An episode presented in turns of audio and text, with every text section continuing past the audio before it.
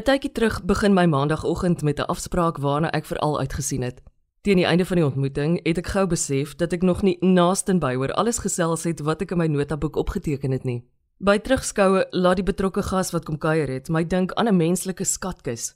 Haar kennis is wyd en haar glimlag is breed. Sy is vrygewig met haar tyd en kennis en jy kom byna met die intrapslag agter dat haar liefde vir landbou en sy mense ook haar eie lewenskode definieer. Dr. Rhoda Malgas is 'n dosent in bewaringsekologie aan die Universiteit Stellenbosch se fakulteit landbouwetenskappe. 'n Jong vrou wat in Desember 'n doktorsgraad verwerf het en die onderwerp van haar PhD-teses het verband gehou met haar persoonlike oortuiging dat die soeke na volhoubaarheid eintlik die soeke na gemeenskap is. En nou kan jy regmaak vir 'n storie oor die voorkoms van veldtee en 'n navorser wie met die ondersteuning van 'n boeregemeenskap haar drome verwesenlik het. Sy praat met passie en oortuiging oor dit wat haar na in die hart lê.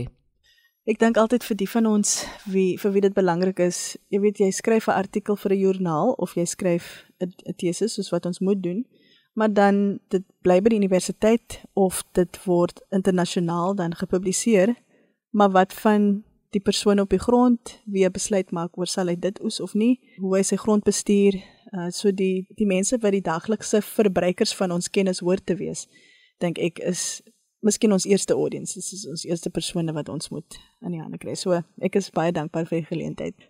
Ja, so ek sê altyd vir mense as of as familie en vriende vra nou maar wat doen jy vir werk? Dan sê ek altyd vir hulle, jy weet die mense op 50-50, nou ons doen soort werk. Want dit is baie breed. Ehm um, dis die van ons wat werk in beleid, dis die van ons wat werk op die grond. En ek moet sê meerendeels ek en my kollegas eh, die soort werk wat ons doen, jy het dalk kollegas wat kyk na hoe mens fynbosveld kan herstel. So ons noem dit restoration ecology.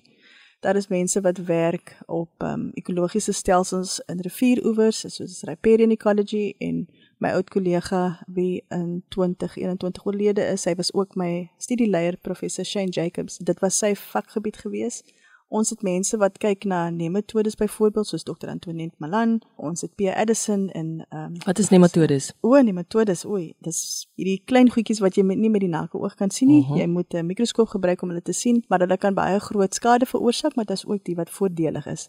So dit is maar nie metodes en dan is daar mense wat kyk na die insekte en dit is 'n entomologie gedeelte soos uh, ons uh, professor uh, Pierre Edison, uh, professor John Tablanche, hulle is mense wat kyk na insekte, die fisiologiese deel en ook hoe insekte met landbou verwantskap hou. Natuurlik is daar peste, maar weer eens daar's ook die insekte waarop ons staat maak vir gewasse te bestuif. So dit is baie belangrik wat ons noem ecosystems goods and services, baie belangrik vir ons welstand en ook belangrik vir die natuur. Dit is maar lekker om 'n werk te doen wat ten doel het om die omgewing en die mense te bevoordeel. Absoluut, absoluut. Roude jou PhD ja. was onlangs in die nuus. Vertel my daarvan. Ja, so ek het probeer om 'n teologiese wat ons noem 'n conceptual framework of 'n konseptuele raamwerk toe te pas wat in die FSA ontwikkel is. En uh miskien moet ek 'n bietjie agtergrond gee. Kom ek vertel 'n storie. Toe ek uh met 'n my meestersgraad begin as 'n UCT student baie jare gelede, toe het ek kennis gemaak met lede van die Heiveld koöperasie. Nou die boere van die Heiveld het daai tyd net hulle koöperasie begin en hulle het 'n mark probeer skep met rooibos veldtee, maar ook organies verboude rooibos tee. Jy weet die soort waarvan ons almal weet. Maar my taak as student was om hulle plaaslike kennis na te gaan en te probeer kyk of hoe hulle dit nou toepas met die oes van die veldtee eintlik ekologies volhoubaar is. En dit dit is hoe ek kennis gemaak het met die idee van rooibos veldtee, kleinboere en so voort wat ook die fokus van die teses is. Maar wat ek agtergekom het met my werk met die Heiveld oor die jare heen en hulle is nou al meer as 20 jaar in die gang is hoe hulle besigheidsmodel aangepas is vir die ekologie van die plant en ook hulle veldbestuur. En wat ek daarmee bedoel is byvoorbeeld in die rooibosbedryf die tee word gesny, kom ons sê November, Desember en in die Suid-Bokkeveld selfs Januarie nog omdat dit die tyd is na die plante saad gegooi het.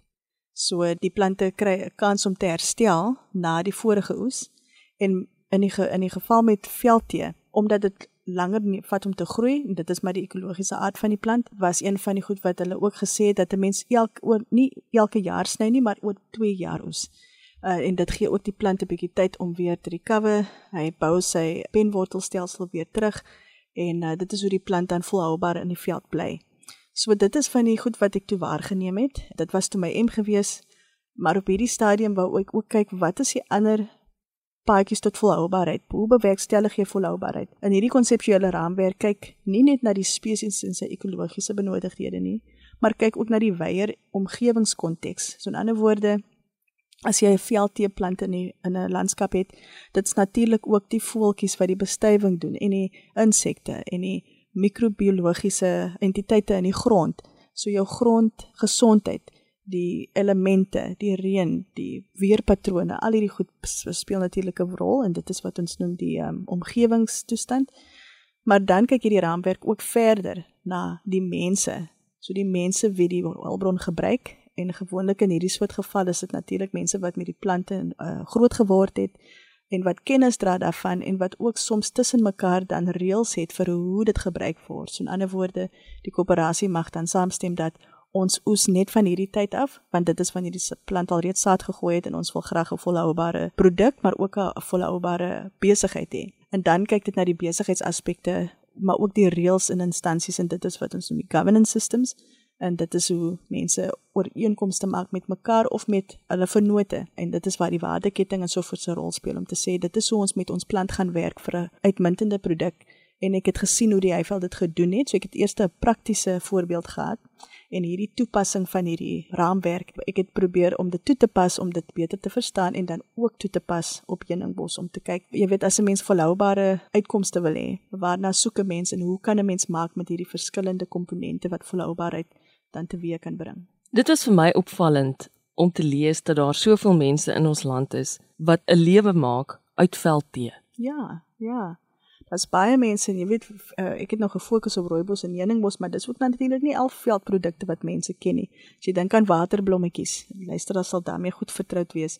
As jy dink aan boege en ander medisonale plante, as jy dink aan die veldblomme van die Agulhas streek, dan is baie mense in die Weskaap, Ooskaap en Noord-Kaap of die gedeeltes waar die fynbos voorkom goed vertroud met plante wat uit die veld uitkom. Ek dink dit is miskien vir ons verbruikers in die stede en dorpe en in ander lande dalk 'n bietjie minder bekend. Jy weet die feit dat 'n mens dit dit wat jy van die rak af koop gewoonlik by ons retail stores is nie die soort veldtee wat daai mense ken nie. En dit is nogal interessant hoe dit ontstaan het, jy weet in die 40er jare was daar natuurlik baie min swart tee gewees, Engels tee. En so hierdie mense het aan die gang gebly deur tee uit die veld uit te oes, soos hulle ouers destyds gedoen het. En so het die gebruik van die tee aan die gang gebly. Hulle het dit gebruik en uh, op 'n stadium is veldtee uit die bedryf uit. Daar's 'n reël gemaak dat daar nie meer veldtee gebruik sou word nie om standaard te, te skep en te handhaaf, né? Nee? Maar wat interessant is dat die Heiveld Koöperasie toe na 2000, omdat hulle 'n nisproduk gesoek het, het hulle besluit om hierdie veldtee wat al die tyd die stiefkind in die bedryf was, om nou hierdie juiste veldtee te neem en te probeer bemark, want natuurlik kom dit in die natuur voor, so organiese produksie is, so te sê van selfspreekend. En hulle het ook uh, die ding gedoen waar hulle dubbele sertifisering gehad het in ander woorde, die organies, maar ook vetryd. In ander woorde, boere word dan betaal 'n billike prys wat hulle ook help beding met internasionale vennote en vennote wat ook hulle storie ken en wat hulle storie ondersteun. En so jy het 'n verbruiker dan wat die tee koop met die denke dat hulle dat wat hulle ekstra betaal juis tot voordeel is van die kleinboere in in hy, sy of haar gesin, maar ook vir die groter gemeenskap en dan die besigheidsmodel maak ook ruimte vir die koöperasie of die die organisasie wat die die produksie doen om vir hulle om te besluit hoe die geld toegepas kan word vir hulle eie gemeenskap se ontwikkeling. So jy kan 'n kliniek bou of 'n busie kry en so voort. En die Eyveld het so ek het gesien hoe belê hulle in hulle eie gemeenskap. En so dit was vir my alles goeie voorbeelde van hoe the tragedy of the commons en ander woorde as mense ooroes of 'n ding te veel gebruik en dan uitraak, uh, hoe dit voorkom kan word deur goeie instansies, goeie reëls, goeie samewerking, goeie verstandhouding en praktiese kennis oor die spesies waarmee hulle te doen het en dan ook natuurlik bewaring ook so kan promoveer. Wat is die sensoriese kenmerke van veldtee? Ja, dis interessant. Een van die dinge wat ek probeer doen het met die teses is dat ek die analise van die onderhoude wat ons met oesers gevoer het in Afrikaans gedoen het. Dit is 'n bietjie ongewoon want gewoonlik dan word die onderhoud omskep in Engels, vertaal en dan word die analise gedoen, maar ek het die Afrikaanse woorde gehou. En wat interessant is natuurlik, mense sal weet as daar uh, so in die volksmond dan noem mense mos nou 'n ding soos wat hy lyk, ronneblaar boegu of langblaar dit of uh, langbeen tee in hierdie geval. In hierdie geval het ons geweet van rankies tee in langboom tee in sulke goed van Wuppertal se gebied. Dit is nou uit vorige navorsing wat ons gedoen het en oor gepubliseer het. So ons het geweet mense het volksname vir die plante. Wat interessant is is dat as jy kyk na die volksnaam, dan gee dit altyd vir jou 'n aanduiding van of hoe die plant lyk, soos die geval is met kom ons sê rankies tee, dit rank op die grond of dit gee vir jou 'n aanduiding van die karakter van die tee, soos byvoorbeeld soos mense noem in die Suid in die Cederberg, vaal tee, rooi tee, uh, swart tee. Dit praat dan van die kenmerk van die tee. Selfs heuningbos tee is 'n uitstekende voorbeeld want dit is die heuningsmaak van die tee, daai natuurlike aroma wat die naam van die plant gee, heuningbos tee. So as dit kom by rooibos veldtee en heuningbos tee, dit het 'n sterker kleur waar jy weet uh, tee wat in landerye geproduseer word het gewoonlik so 'n ligter kleur maar hierdie tee is baie donker dit dit trek meer sodat dit 'n meer frank smaak ook en soms is dit eintlik iets wat voorgehou word as 'n rede hoekom die mark dit dalk nie wil hê nie sodat dit soms 'n bietjie frank smaak maar oom Pien wat nou al oorlede is het vir my gesê daai is die sterk man daai. So uh, die veldtee weet ek die plaaslike gebruikers uh, verkies liewer die veldtee soms bo die die maktee soos hulle dit noem en uh, dit is van die karaktertrekke dat dit sterker trek en die plaaslike mense sê hulle trek meer voordeel daaruit as as die tee wat 'n mens op die rak kry selfs. Is dit algemeen beskikbaar? So die veldtee is beskikbaar by die Heiwald Koöperasie, dit weet ek verseker en ook in Wuppertal is daar ook 'n paar klein boere wat met veldtee voortgaan. Die luisteraar sal maar liewer self moet kyk na die besighede en hulle en hulle webtuistes en self skakel om te hoor hoe produksie gaan en so voort maar dit is baie meer wyd beskikbaar in die buiteland. Ek noem nou net die twee wat ek noem, maar ek is seker daar's ander gemeenskappe dalk of selfs ander besighede en koöperasies wat ook uh, veldtee bemark. Hoe het jou pad met veldtee gekruis? Ja, dit soos ek sê dit was met daai studente in daai studente jare nou al baie jare lank gelede. Jy weet ek het in Mitchells Plain gewoon en ek kon nie meer ek kon nie die afstand af lê tussen Mitchells Plain en Newtville waar die Eiffel Koöperasie hulle kantore gehad het nie. En in en toe is daar 'n plaaslike polisievrou in Neudwil wie toe hoor dat daar 'n student is van die Kaapse vlakte en nie die vermoë het om op en af te reis nie en sy het haar huis toe vir my beskikbaar gestel. En gratis het ek daar gebly in 'n klein huisie met geen gordyne nie vir baie vir baie maande lank. Maar daar het ek 'n bestaan voortgesit, die studie klaar gemaak en ek is toe 'n werkie aangebied by die plaaslike NGO, dis Indigo Development and Change en met EMG, die Environmental Monitoring Group en ek het toe daar begin. So ek het eintlik toe eers in die NGO sektor begin, maar met die idee was om navorsingsondersteuning te bied aan die klein boere. En ook, jy weet, daai tyd, dit was die 2000s vroeë vroeë 2000s, daar was baie min ondersteuning van die regering aan hierdie klein boere destyds. En uh, dis die Noord-Kaap so, jy weet, mense is ver van die dorp ver van elektrisiteit. Daai plase ons verkla van load shedding, baie van daai mense lewe sonder elektrisiteit hulle le hele lewe lank. So ek het geleer om aan te pas en ek het onder die boere gebly. Hulle het vir my verblyf aangebied, in kos aangebied. Dit was vir my ek dink een van die dinge wat baie opvallend was, was ek het nie baie befondsing gehad destyds om hierdie studie te doen nie, maar die boere het my deel van hulle gemeenskap gemaak en tot hierdie dag toe voel hulle nog baie van hulle vir my nog soos familie. So dit was iets spesiaals geweest. Die mense het nie net vir hulle tee en hulle veld omgegee nie, daai selfde omgee is ook aan my oorgedra as iemand wat van buite af gekom het en deel geraak het van hulle eie proses met die tee. Dr. Rhoda Malgas is 'n bewaringsekoloog en hare is 'n naam wat jy beslis vorentoe nog baie gaan hoor.